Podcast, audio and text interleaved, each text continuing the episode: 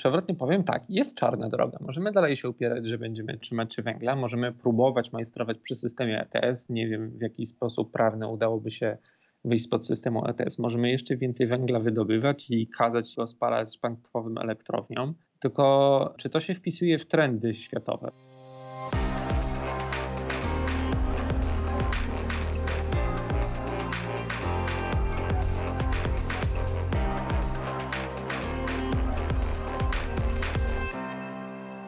Krzysiek Grzyman, Zielony Podcast. Dzień dobry. Gościem jest Michał Hetmański, członek zarządu Fundacji Instrat i współautor raportu Zielony Pakiet Fiskalny. Witaj. Cześć Krzysiek. Będziemy rozmawiać o tym, jak będzie wyglądała gospodarka, nie tylko polska, ale i europejska po tym e, kryzysie. Wiemy, jakie są prognozy unijne dla wszystkich gospodarek e, naszego regionu. Wszyscy w tym roku na minusie, w przyszłym roku niektórzy już na plusie, jeżeli chodzi o wzrost PKB. Ale zanim przejdziemy do waszego raportu, chciałem cię zapytać o ocenę obecnych antykryzysowych działań e, rządu. Pieniądze, no rząd mówi, że spore mają być wpompowane w gospodarkę. Pytanie, czy to są wystarczające kwoty i czy ten aktualny plan rządu jest y, zielony, bo przypomnę, że rząd jaki mamy, taki mamy, ale jest tam na przykład Ministerstwo Klimatu. Tak, na pewno w międzynarodowych porównaniach Polska wypada pozytywnie pod kątem prognozy spadku PKB na ten rok, bo według Komisji Europejskiej zaliczymy spadek około 4% w porównaniu do innych gospodarek, które będą zaliczały spadek między 6 a 10%, więc pod tym kątem wypadamy prawdopodobnie nie tak źle, można powiedzieć, że tytuł tego europejskiego litera wzrostu, jak mówi Marcin Piątkowski, da się również utrzymać w okresie recesji. Jeśli chodzi o wartość pakietów, to prawdopodobnie również mamy jeden z największych. Pytanie, czy dobrze się wpisujemy w inny trend, nie tylko tego, ile więcej wpompujemy pieniędzy w gospodarkę lub ile, ile banki krajowe, Bank Gospodarstwa Krajowego wystawi gwarancji kredytowych, żeby podtrzymać płynność przedsiębiorstwa, ale też na co pójdą i w jakie sektory zostaną zainwestowane te pieniądze. I tego dotyczy nasz raport. Większość rządów, nie tylko w Unii Europejskiej, ale również w krajach OECD, również po poprzednim kryzysie wyciągnęło lekcje i nauczyło się, dobrze wie, że te środki trzeba również znaczyć i sprawdzać, jakie będzie ich znaczenie z punktu widzenia klimatycznego, środowiskowego. W praktyce oznacza to, czy przeznaczymy pieniądze wszystkim porówno i tak samo dostaną i górnicy, i na przykład branża OZE, czy któreś sektory dostaną więcej pieniędzy, ponieważ ich inwestycje będą miały ten pozytywny ślad środowiskowy, klimatyczny. A powiedz mi, jak wypadamy na tle Unii Europejskiej, jeżeli chodzi o kwoty? Nie mówię tutaj o y, nominalnych kwotach, ale bardziej y, w stosunku do PKB. Jeśli dobrze widziałem, to podsumowując sumę gwarancji wystawianych przez szeroko ujmując państwo, w tym banki krajowe oraz sumę bezpośrednich wydatków, to prawdopodobnie mamy jeden z wyższych wskaźników. Nie mam tutaj konkretnych liczb przed oczami, ale chyba nawet wyższy niż Niemcy ale wydaje mi się, że oprócz samych kwot, czy w wartościach absolutnych, czy, czy, czy procentowych w odniesieniu do PKB, warto się zastanowić, czy przypadkiem timing nie jest tutaj dużo bardziej skuteczny. Dużo przedsiębiorców narzekało na to, że te środki przechodzą spóźnione i nie było tej pierwszej poduszki.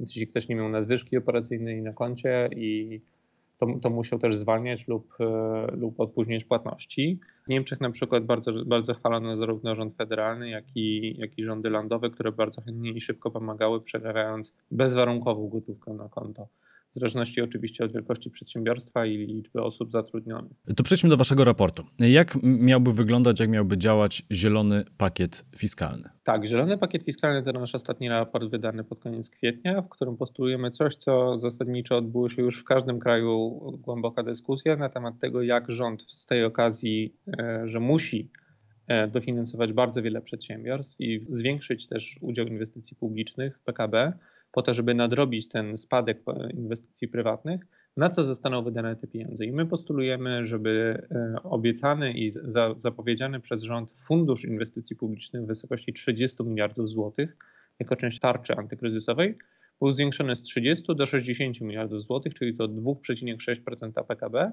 a głównym kryterium, które postulujemy na, na wydawanie środków z tego funduszu jest neutralny lub taki pozytywny wkład środowiskowy, czyli żeby te pieniądze przynajmniej nie szkodziły, jeśli już to były neutralnie, ale przede wszystkim, żeby były tak zwane zielone, czyli doprowadzały nas, czyli żeby były te inwestycje, które doprowadzają nas długoterminowo do ścieżki neutralności klimatycznej w 2050 roku. A jakby to miało wyglądać w praktyce?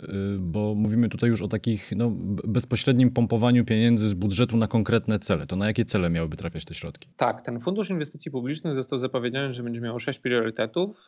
Oprócz cyfryzacji czy zdrowia pojawiły się tam też dwa, które, które naszym zdaniem powinny być rozwinięte mianowicie polityka ochrony środowiska oraz transformacja energetyczna. Co to oznacza w praktyce? Z tych środków mogłyby zostać sfinansowane inwestycje w rekwalifikację pracowników albo w budowanie inwestycji, które będą tworzyć wartość dodaną w gospodarce, a jednocześnie promować na przykład transformację energetyczną w regionach węglowych, czyli tworzyć miejsca pracy w nowych fabrykach, e, na przykład w dziedzinie elektromobilności, regionach, które stoją pod znakiem zagrożenia bezrobociem strukturalnym w wyniku transformacji energetycznej, czyli kiedy będzie spadający, spadający popyt na energię elektryczną z węgla i tym samym i górnicy, i pracownicy elektrowni będą mieli coraz mniej pracy. Ta transformacja na rynku pracy musi się dokonać i naszym zdaniem środki z tego Funduszu Inwestycji Publicznych również powinny wspomagać ten cel, który jest już dość szeroko rozpisany przez Komisję Europejską. Mówię tutaj o Funduszu Sprawiedliwej Transformacji. E, tu chyba na marginesie trzeba zaznaczyć, e, jaka jest sytuacja górnictwa w ogóle, jaka jest sytuacja e, spółek górniczych teraz. No, no, ona jest fatalna. Do tego dochodzi ogromna liczba zakażeń koronawirusem wśród górników, a do tego dochodzą na przykład informacje ze Śląska o tym, że jedyna prywatna spółka górnicza, to chyba jest kapitał czeski z tego co pamiętam, się planuje tak wycofać z Polski i zamknąć kopalnię w przyszłym roku? Wydaje mi się, że ten sygnał z, z jednego z niewielu prywatnych inwestorów w górnictwie też jasno pokazuje, to jest sektor, w którym również e, prywatni inwestorzy trudno by się odnajdywali w tej przestrzeni e, rynkowej pod tą presją. A z czego to wynika? Podczas recesji mamy spadek zapotrzebowania na energię elektryczną, na moc i tym samym elektrownie węglowe produkują mniej. Odnawialne źródła energii, przez to, że pracują w podstawie, produkują dokładnie tyle samo co wcześniej. Po prostu ile jest mocy zainstalowanej, tyle będzie produkować. Wieje wiatr czy słońce, niezależnie od tego, czy jest kryzys. A źródła węglowe muszą się dostosowywać do tego, jakie jest zapotrzebowanie. I ten spadek zapotrzebowania doprowadził do znaczących też nadwyżek węgla na hałdach, zarówno przy elektrowniach, jak i kopalniach i nie ma po prostu kto tego węgla odebrać i spalić. I tym samym te nadwyżki, które już mieliśmy pod koniec zeszłego roku jeden z rekordowych importów węgla z kamiennego również z Rosji, około 14 milionów ton w, w 2019 roku w porównaniu do około 19 w jeszcze poprzednim roku, więc nadal może to był tylko krótki spadek, ale nadal jest to dużo. Tego węgla nikt dalej nie będzie prawdopodobnie potrzebował i ta transformacja energetyczna będzie się wydarzać tak czy siak. Ona będzie procesem rynkowym i niestety żadne mieszanie e, cukru w szklance herbaty tutaj nic nie da. Restrukturyzacja górnictwa musi mieć jasno podstawiony cel. Powinna wyzna zostać wyznaczona przez rząd mapa drogowa na temat e, ścieżek zamykania zakładów oraz odchodzenia osób na emeryturę, albo nawet i zwalniania osób, które są w wieku produkcyjnym. Pytanie tutaj jest, e, jaka będzie tutaj rola i rządu, i samorządu w wytyczaniu tej sprawiedliwej ścieżki transformacji energetycznej.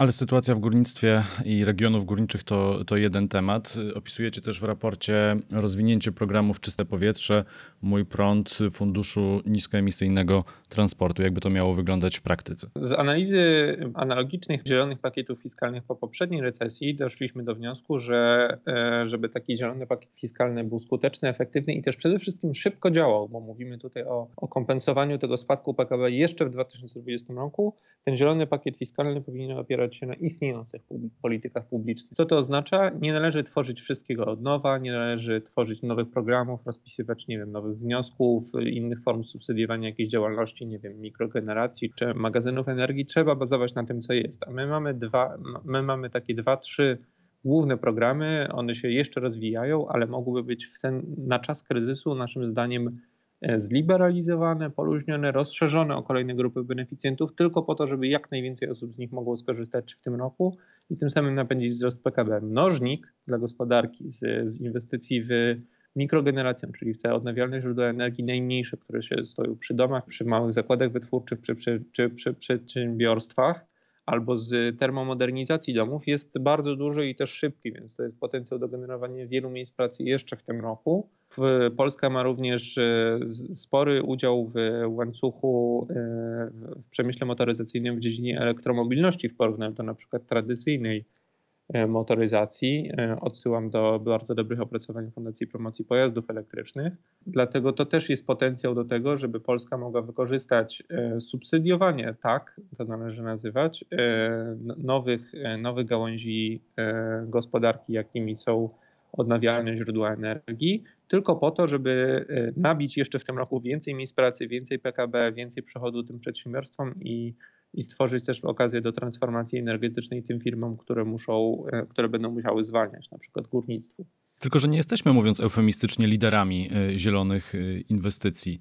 E, I z tych trzech projektów, o których teraz mówiłeś, czyli program Mój Prąd, Czyste Powietrze i elektromobilność, ta duża elektromobilność, czyli elektromobilność na przykład w miastach, to w zasadzie tylko program Mój Prąd można by uznać za jakiś częściowy sukces. No, program Czyste Powietrze jak na razie jest porażką. Pytanie, czy zwiększenie środków, samo zwiększenie środków wystarczy w tym przypadku? Tak, na pewno program Czyste Powietrze będzie przechodził jeszcze kilka kilka iteracji. W tym tygodniu będzie, e, będzie jego kolejna aktualizacja i uproszczenie, ale wydaje mi się, że po liczbie e, wniosków, które spływają, można spokojnie ocenić, że program nadal się na szczęście cieszy powodzeniem. Na pewno jest on dość skomplikowany i dla wielu osób, które nie mają takiej kompetencji też finansowej, nie mówiąc już o jakiejś energetycznej czy budowlanej, e, stanowi on pewne bariery więc dalsze jego upraszczanie będzie miało pozytywny wpływ na, e, na jego popularność. Program Mój Prąd jest stosunkowo prosty, to jest e, subsydium tylko do zakupu instalacji fotowoltaicznej, więc dobrze bazować na już takich prostych i znanych programach. Fundusz Niskoemisyjnego Transportu dopiero się rozpoczyna i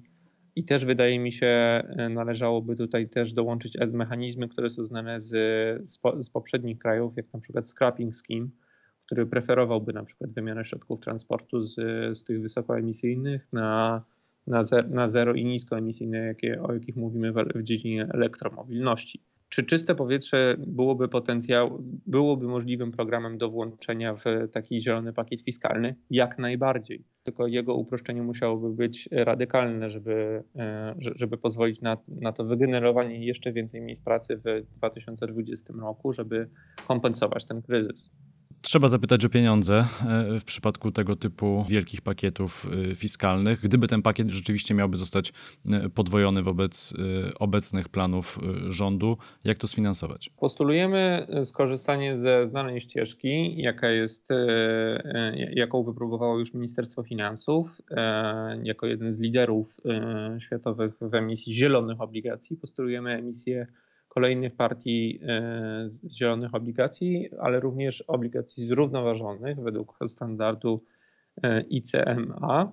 E, jest to potencjalnie źródło finansowania i jak, jak pokazuje praktyka, inwestorzy bardzo chętnie przechodzą po tego typu inwestycje, ponieważ sami mają wymogi lub, lub się zobowiązali do, do inwestycji nie w na przykład koncerny paliwowe czy linie lotnicze, które mają za sobą duży ślad środowiskowy, ale w inwestycje czy kapitałowe, czy dłużne, tak jak obligacje, które mają za sobą ten pozytywny wkład środowiskowy i, i, i pomagają w redukcji emisji e, CO2. Postulujemy również ze względu na to, że już słyszymy sygnały o tym, że miasta będą cięły inwestycje, bo, nie, bo trzeba utrzymać wydatki sztywne, czyli, czyli wynagrodzenia w szkołach, w, w urzędach, e, czy wydatki również na, na zdrowie.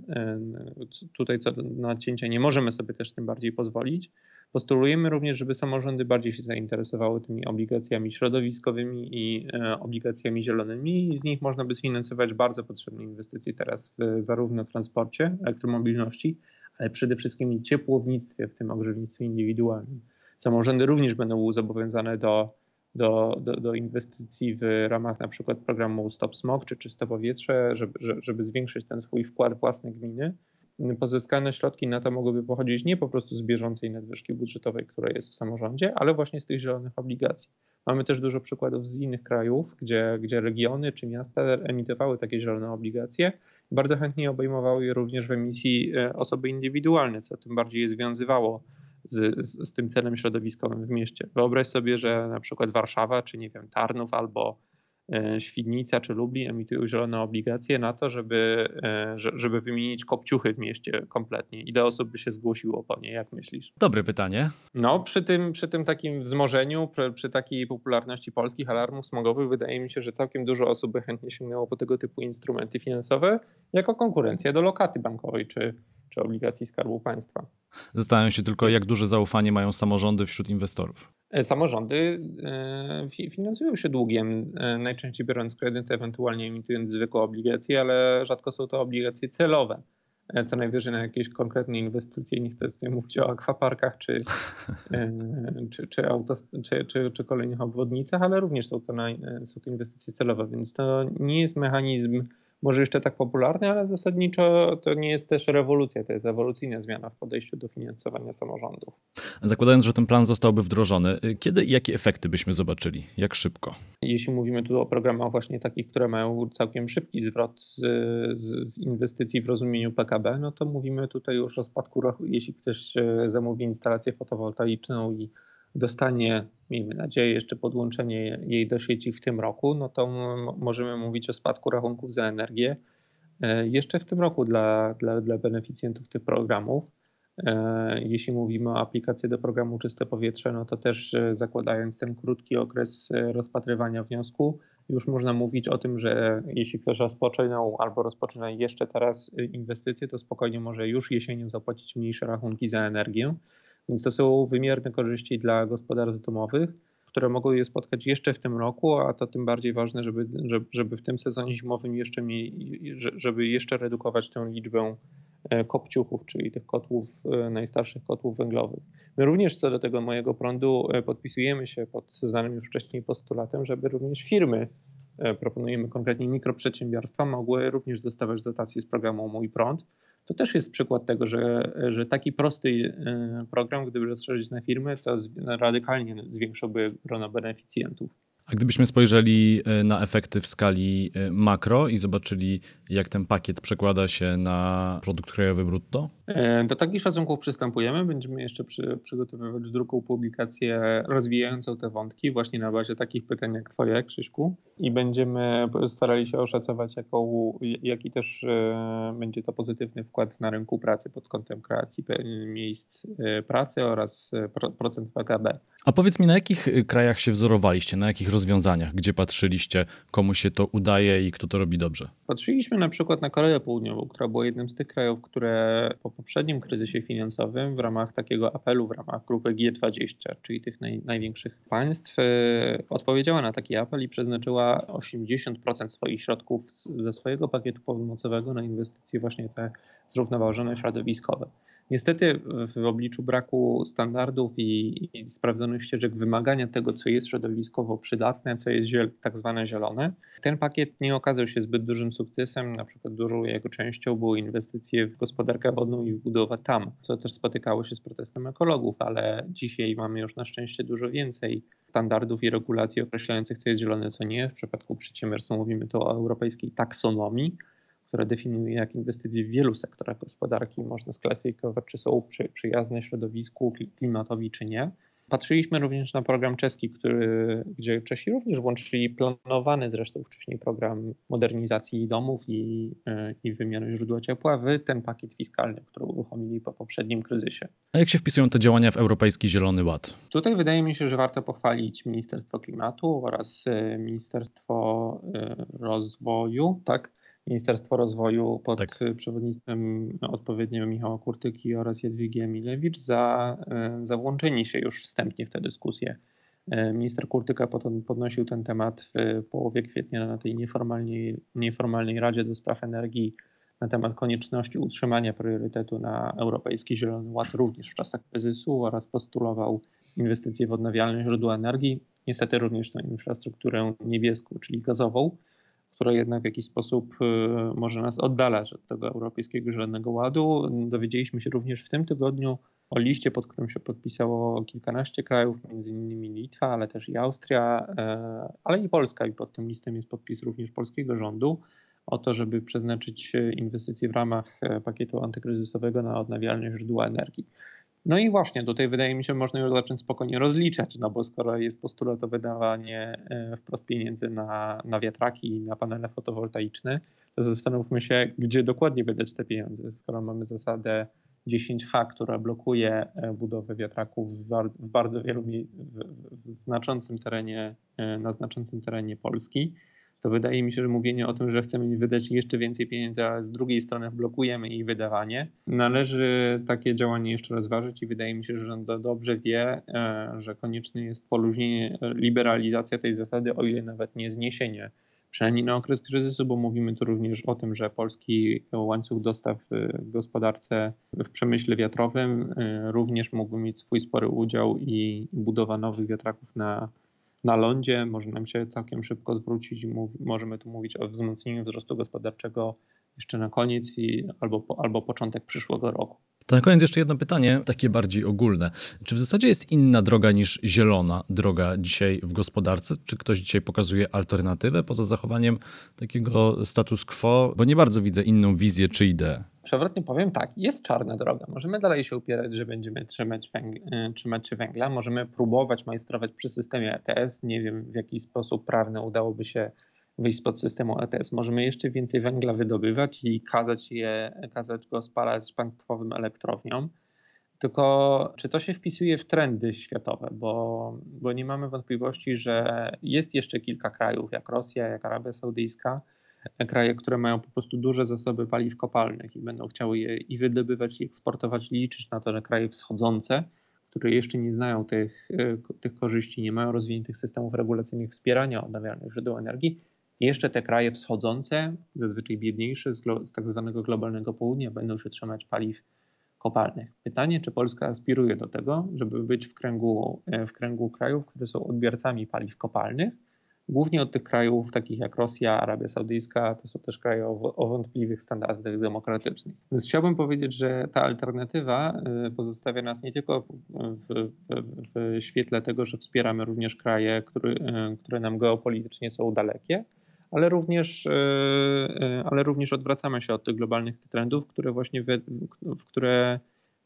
które się wpisują i które Europejski Zielony Ład ma implementować na terenie Unii Europejskiej. I wydaje mi się, że tą alternatywą jest bycie wyjątkiem na skali Unii, w skali Unii Europejskiej i jest to też potencjalnie duża strata, ponieważ jest bardzo dużo projektów technologicznych, przedsiębiorczych, innowacyjnych, na przykład w ramach Horyzontu 20, które Polsce po prostu przechodzą przed nosem. Polska wydaje bardzo dużo na badania dookoła węgla. Mamy kilka instytutów badawczych się tym zajmujących, a większość badań, czy, e, a większość badań na temat odnawialnych źródeł energii, czy to są wdrożeniowe, czy podstawowe, przeprowadzają zachodnie ośrodki e, e, badawcze i to jest ten potencjał, w którym nie biorą udział polscy inżynierowie i, i, i, polscy, i polskie przedsiębiorstwa.